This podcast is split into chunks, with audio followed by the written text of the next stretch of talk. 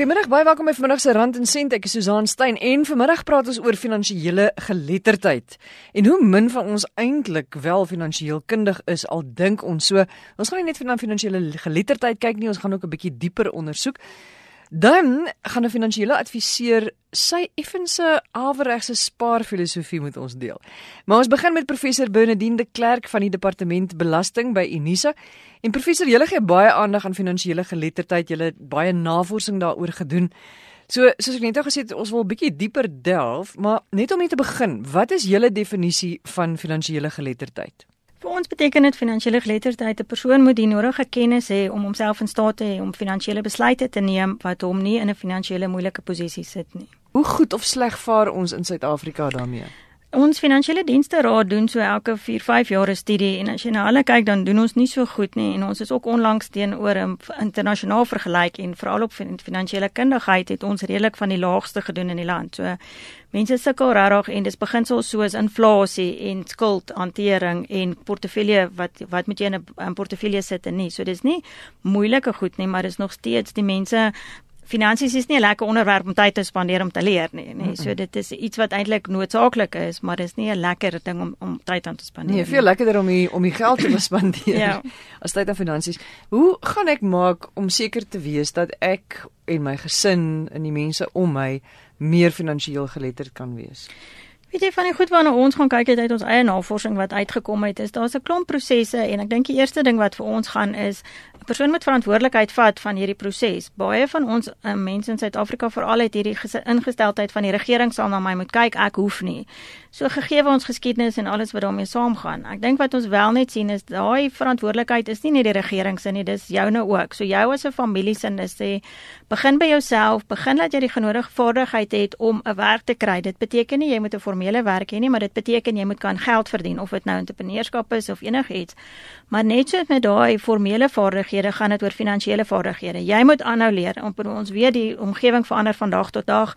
Die manier hoe ons transaksies doen, die manier hoe die besighede met ons hanteer verander. So dis nie iets van ek het nou geleer en ek hoef nooit weer te leer nie. So dis 'n aanhoudende proses. Ons by die universiteit praat altyd van die lifelong learning konsep, maar dis dieselfde met finansiële geletterdheid. Jy moet vir vir altyd aanhou leer. En hoe doen jy dit nou? Hoe doen jy dit nou prakties? Dit gaan weer eens oor 'n verskeidenheid van maniere hoe die ouens dit doen. Ek dink eerstens gaan dit wanneer jy nou iets kyk of jy nou 'n pakket het of 'n produk het by enige bank, moet jy seker gaan maak wat presies het jy. So dit gaan letterlik vat die projek produk en gaan kyk, bank A gee vir my 'n bankrekening, maar wat is die kostes daaraan verband? Hoeveel transaksies kan ek doen? Waar kan ek transaksies doen? Want daai is alles goedjies wat klein jakkalsies het wat kostes oploop wat hou nie verstaan nie.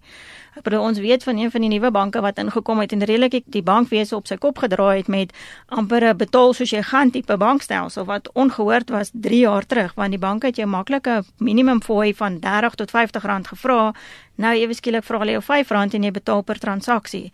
Maar mens moet gaan uitvind wanneer werk dit want as jy baie transaksies doen, is die vaste fooi van R50 nou weer die beter opsie. So so dis die verantwoordelikheid vir jou as die individu om te gaan sê, hoe lyk my bankwese? Wat het ek nodig en watter een van hierdie aanbiedinge is vir my die beste?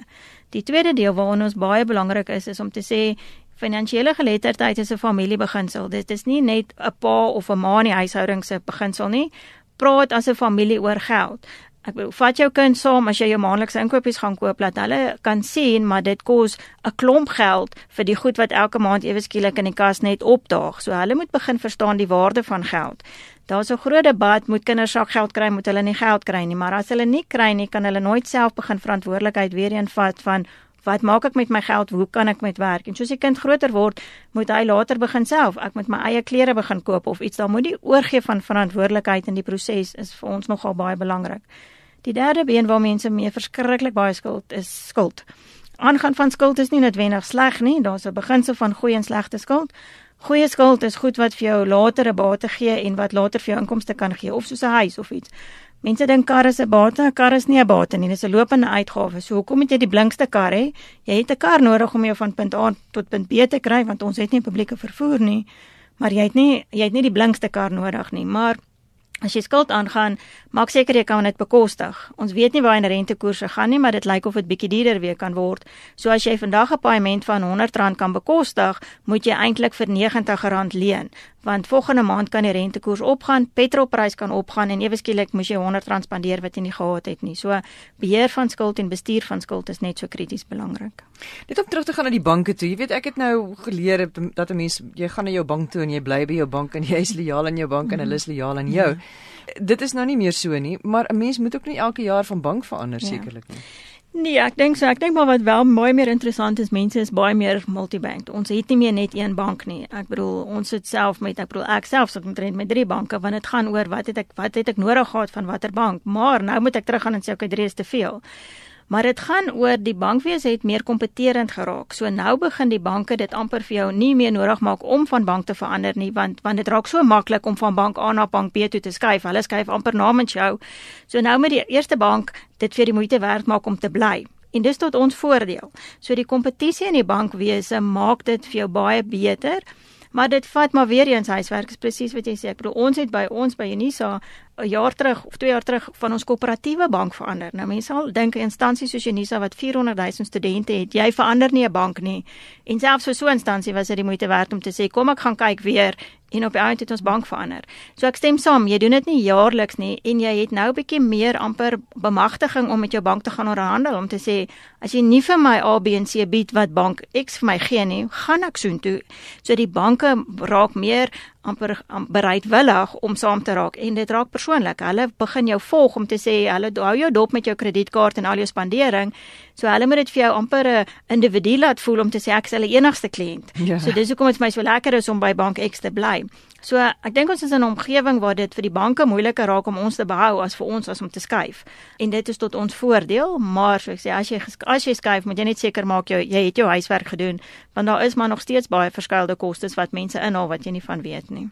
Om terug te gaan na skuld, ons praat baie oor skuld op die program. Wat is jou filosofie oor oor slegte skuld nou? Jy weet, hoe kan jy mense leer of hoe kan ons onsself leer om dit te voorkom en hmm. as ons in die skuld is om dit af te betaal en nie weer skuld te maak nie. Dit is baie maklik om van my kant af te sê moenie A B en C te doen nie, maar ek dink mense moet verstaan vir baie of 'n groot deel van ons bevolking is die skuld amper hulle hulle manier van oorlewing. En ek dink ons moet daai groep verstaan om te sê as jy eerste keer in 'n kredietkaart ingekom het, is dit baie moeilik om uit te kom, maar die goue beginsel is al koop jy op krediet, aan die einde van die maand moet hy 100% afbetaal word. So dit gaan terug na begroting toe. So as jy nie elke maand sê dis wat ek hoeveel ek kry R10 in en ek kan R5 spandeer en ek gaan R5 vat om skuld in te spaar nie, dan kan jy nie die skuld bekostig nie. Maar dis moeilik. Dis moeilik om vir 'n kind te sê jy kan nie dit kry nie en al sy maatjies het nie dit nie. So die die sielkunde agter die skuld is vir ons baie belangrik om te sê, maar dit maak jou nie minder suksesvol as jy nie A en B en C het nie. Ek bedoel ons sien by ons nou die kinders is matriek ewe skielik kom hulle met die blinkste karre daar verbygery en nou moet jy terug staan en vir jou kind sê maar jy gaan nie so 'n kar kry nie. So dis moeilik, maar as jy dit nie doen as hy 17 of 18 is nie, gaan hy dit nooit leer as hy 30 is nie. Hoe doen jy dit vir jou kind? Hoe sê sê jy net eenvoudig jammer jy kry nie die motor nie. Hoe verduidelik jy dit? Dit het nie begin toe hy 18 is nie, dit het begin toe hy 8 is. So mense die pad met hom gestap vandag een af om te sê geld het 'n waarde, geld het 'n betekenis en hy kan jou baas word as jy hom nie bestuur nie. So daai hele beginsels van dis wat jy doen, dis hoeveel geld jy in het, dis hoeveel geld kan uitgaan. Jy moet spaar, jy moet kan begroot. Vir ons is die beginsel van begroting absoluut die kruks van wat jy doen. Begroting en dan tweedens 'n finansiële plan. Waar wil ek wees oor 3 jaar? Waar wil ek wees oor 5 jaar en waar wil ek aftree?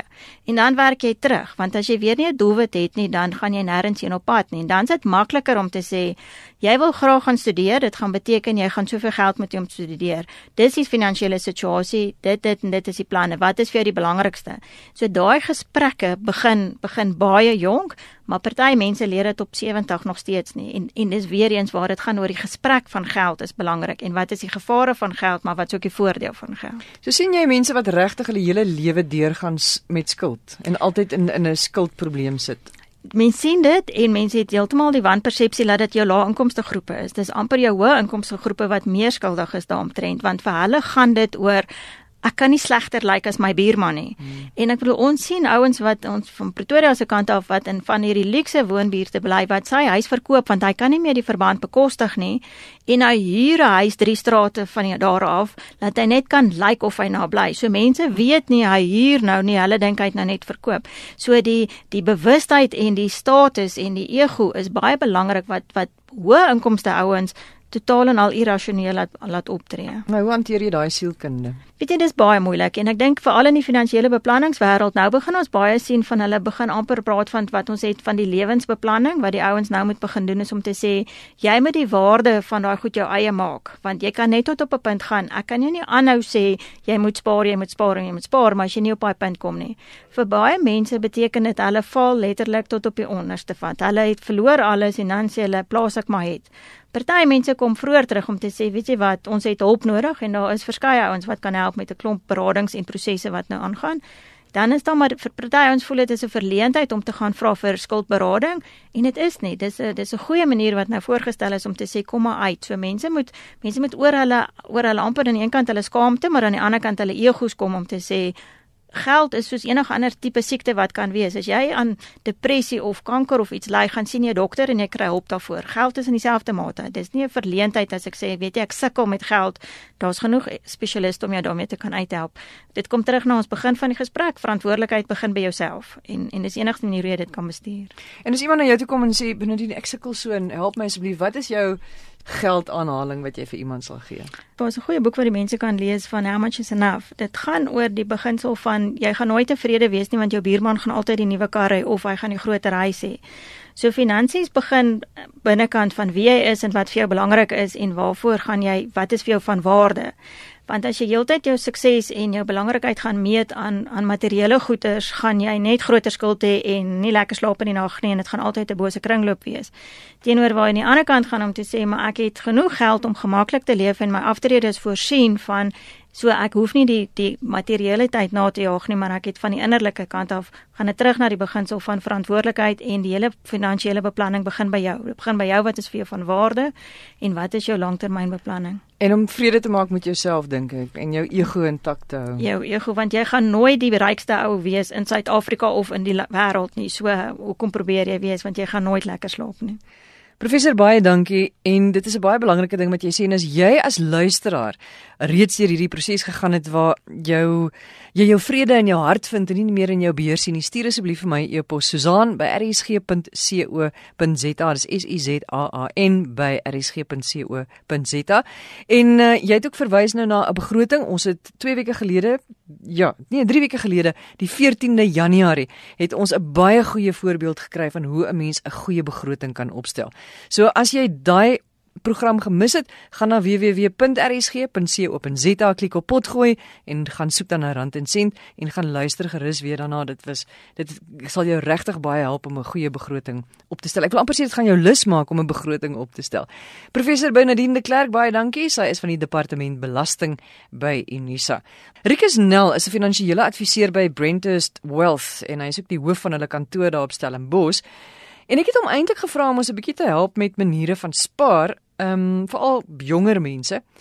Marikus, jy sê jy glo nie aan die konvensionele konsep van spaar vir aftrede nie. Jy sê ons moet bietjie anders hieroor begin dink. Jy het 'n ander filosofie. En ehm uh, dit is dat ons eerder moet vra, hoe raak ek so gou as moontlik finansiëel onafhanklik terwyl ek gebalanseerd leef as om te sê ek moet spaar vir my aftrede. Susan, ek dink die idee rondom aftrede is is regtig verouderd en ek wil amper sê as ek dit bietjie jy weet in 'n oortreffende trap kan uitdruk, dit is regtig argaïs. Dis 'n konsep wat maklik verkoop en moontlik is dit hoekom mense daarmee voortgaan in ons industrie. Ek dink as die kopskuif gemaak word om te sê hoe raak ek so gou as moontlik, so sinvol as moontlik finansiëel onafhanklik, dan gaan mense besef dat dit is nie iets wat gekoppel is aan 'n ouderdom wat ek 55 hoef te wees of 65 of 75 nie. Daar's mense wat op 33 finansiëel onafhanklik is en dan letterlik gaan doen net wat hulle wil.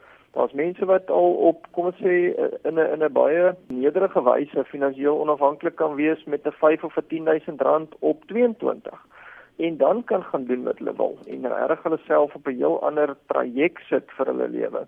So Ek is bang dat daar so fokus is rondom spaar en spesifiek as 'n ou na 'n waterklas kyk want spaar is eintlik maar gaan 'n mens uh, direk in in iets soos 'n kontant belegging in.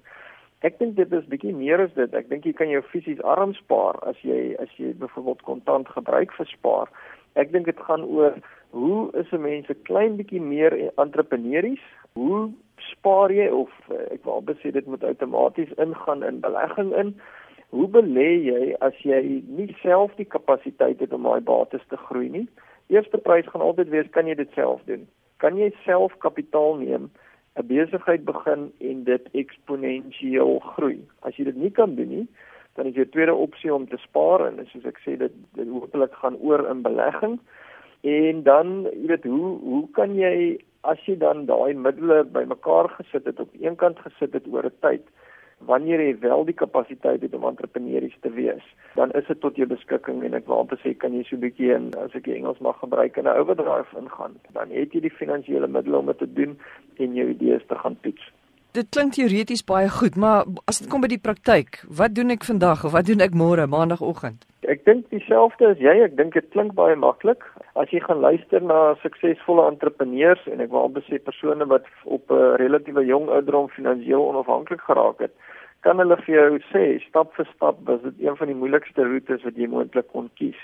Veral aan die begin, en ons het net gesê, hoe doen mense dit so gou as moontlik op 'n gebalanseerde wyse of sinvolle wyse? Uh of op 'n betekenisvolle wyse want jy kan as jy dit verkeerd doen kan jy ook baie maklik jy weet jou lewenssin en jou huwelik verloor ensovoorts ensovoorts so dit is nie 'n maklike roete nie.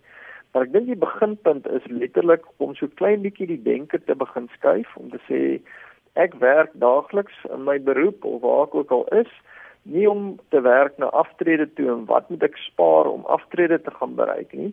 Ek wil so gou as moontlik finansiëel onafhanklik kan wees, dat ek my eie keuses kan uitoefen waarmee ek myself besig hou. En ek dink die heel eerste stap daarvan is is om net daarvan te droom, om dit te sien gebeur om uit te werk waar presies is jy op die oomblik finansiëel en en jou loopbaan om uit te werk waar moet jy heen gaan en dan as jy daai twee punte het, kry jy hulp van kundiges in om te sê hoe beweeg jy nou van punt A na punt B? Wat is die roete? Wat is die beginsels wat jy volg? Wat is die doelstellings wat jy realisties kan uitstel oor 'n jaar, oor 2, oor 5 jaar? Waar moet jy wees oor 3 jaar byvoorbeeld? Uh en stelselmatig net te verstaan hoe lyk daai roete? As 'n ou gaan luister na baie sportsterre in die wêreld, hulle het altyd gedroom en kon sien dat hulle die Olimpiese spele kon wen. Hulle het dit geglo later, dit het hulle gemotiveer om let, letterlik net harder en harder te werk en seker te maak hulle bereik hulle doelwitte. Ek dink dis wat baie belangrik is. Jy moet die droom hê, maar jy moet ook die werk insit, want jy kan nie net droom van die right. Olimpiese medalje om jou nek nie. Jy moet ook elke oggend 4 uur opstaan of 5 uur en jy moet al daai oefeninge gaan insit. En dis dieselfde met jou finansiële situasie. Korrek. So ek ek dink die tweede stap, so die eerste een is definitief sien dit, droom dit en en spesifiek glo dit. Glo dat dit is moontlik om dit te doen. Uh die tweede stap is is implementasie. So jy het nou 'n plan gekry van 'n kundige persoon, nou moet jy oorgaan tot aksie en jy moet implementeer. Maar dit sê dis moontlik wat die moeiliker deel is, want hier moet jy nou spesifieke dissiplines gaan toepas. Jy moet jou tyd gaan verdeel, uh, jy moet geld op sy sit, uh, jy moet begroot en dit sê te sê daai begroting is is die alfa en die omega. Jy kan nie afwyk van dit af nie. Die begroting is 'n rigtingaanwyser, is om te sê treukie vir treukie hoe kom jy van punt A na punt B en jy kan van dit afwyk. Jy kan kom ons sê afdraai en 'n en 'n mooi waterval eers gaan kyk. Uh jy kan oor 'n addisionele bergpas ry. Maar jy moet verstaan jy moet ekstra petrol uh, voorsiening voorgemaak het die laaste keer wat jy brandstof ingegooi het om dit langs die pad te kan doen. Jy kan nie daai afdraai vat die addisionele ervarings tot jou lewe toevoeg as jy nie daarvoor voorsiening gemaak het nie. En begroting ek ek dink dit is 'n ding wat wat nogal taamlik agtergelaat word in ba in baie persoonlike finansies oefening. Ek ek dink mense het 'n baie goeie idee van waar hulle spandeer, maar dan is daar tog hier en daar iets wat half inkruip, nooit voorsien is voor nie. En as 'n persoon nie die heel eerste betaling wat hy maak, geld eenkant sit buite daai begroting en sê hierdie is nou vir belegging, hierdie is vir spaar uh, hierdie is vir hierdie spesifieke doelwit nie, dan dink ek is daar altyd 'n goeie alternatief om daai geld op te spandeer later in die maand. Jy het tog gesê dis stap 1 en stap 2, is daar nog 'n derde stap? Definitief die die implementasie. Ek dink dan 'n baie belangrike ding vir my is en dit is 'n ding wat Douglas Creer hy se motiveringsspreker in Suid-Afrika is vra 'n ander vraag, dan gaan jy 'n ander antwoord kry. So weer eens, wat kan 'n persoon nog doen benewens nou net die implementasie? Ek dink daar's 'n hele klomp goed, byvoorbeeld om te sê omring jouself met doelgerigte en verantwoordelike en positiewe mense. So 'n netwerk van van persone het net ander alternatiewe en ander moontlikhede en ander denke as wat jy 'n groep mense kry wat in toeval glo, wat in in geluk glo, wat glo dat mense bereik sekere hoogtepunte as gevolg van toeval. Dis die valste weergawe van finansies is eintlik maar enige menslike achievements is om te sê iemand het daar toevallig gekom. Ek dink as as 'n mens mense regtig gaan ontleed, kan jy gaan kyk dat elke individu wat sekere sukses bereik het, het iets spesifiek wat hy of sy doen wat hulle anders doen as as moontlik die gemiddelde persoon of harder werk of hulle doen dit op 'n spesifieke invalshoek wat hulle meer suksesvol maak as ander persone. Nog iets miskien is om te sê as iemand nou op 'n plek is in hulle lewe wat hulle 'n paar duisend rand 'n maand kan spaar. Kom ons sê 5000 rand 'n maand is 60000 rand 'n jaar. Aan die einde van jaar 1 het jy moontlik die middele om 'n voltydse persoon aan te stel. So in steede daarvan om die geld in 'n bankrekening te sit, kan so 'n persoon jou miskien help om 'n uh, om 'n idee tot uitvoering te bring 'n uh, idee besigheidsidee af te skop. Uh, nog 'n manier kan wees om in jou persoon te belê, belê in jouself. R60000 kan heelwat addisionele studie vir 'n jaar voorsien en daai R60000 kan miskien maak dat jy R100000 na jaar 1 addisioneel verdien. So ek dink dit is 'n klein bietjie van vra ander vraag en ander alternatiewe dink ek gaan opspring as om net te sê kom sit die geld eenkant neem dit bank toe en ons sit dit in kontant en kry 'n paar rand rente op dit. Uh vir al jong mense neem risiko. Neem aanvaarbare vlakke van risiko en daai vlakke is is altyd hoër as jy as jy jonger is. Ek dink verstaan die soos hulle in Engels sê die downside risk. Verstaan dit baie mooi. Uh, laat dit nie iets is wat jou kom ons sê ekonomies uitvee nie, maar dit is as dinge nie uitwerk nie, laat jy dit kan oorleef en weer probeer en wees realisties in terme van opbrengs en risiko wees ingelig aantrend en kry die nodige bystand van mense wat vir jou daai perspektief kan gee. Rikus baie dankie vir jou raad vanmiddag en jou insigte. Rikus Nel, hy is 'n finansiële adviseur by Brenthurst Wealth en hy is ook die hoof van hulle kantoor op Stellenbosch. As jy na enige van ons gesprekke weer wil gaan luister, dan gaan jy na www.rsg.co.za, jy klik op pot gooi, dan gaan jy na rand en sent in die soekveld en dan kan jy gaan sien daar is 'n hele klomp datums en jy kan lekker agteroor sit en luister na enige iets wat ons al bespreek het op die program. En uh, as jy vir my 'n e e-pos wil stuur, dan uh, maak gerus so Susan@rsg.co.za. Dis S U Z A A N by rsg.co.za. Baie dankie vir die saamluister. Ons doen dit volgende Sondagmiddag 5uur weer. Totsiens.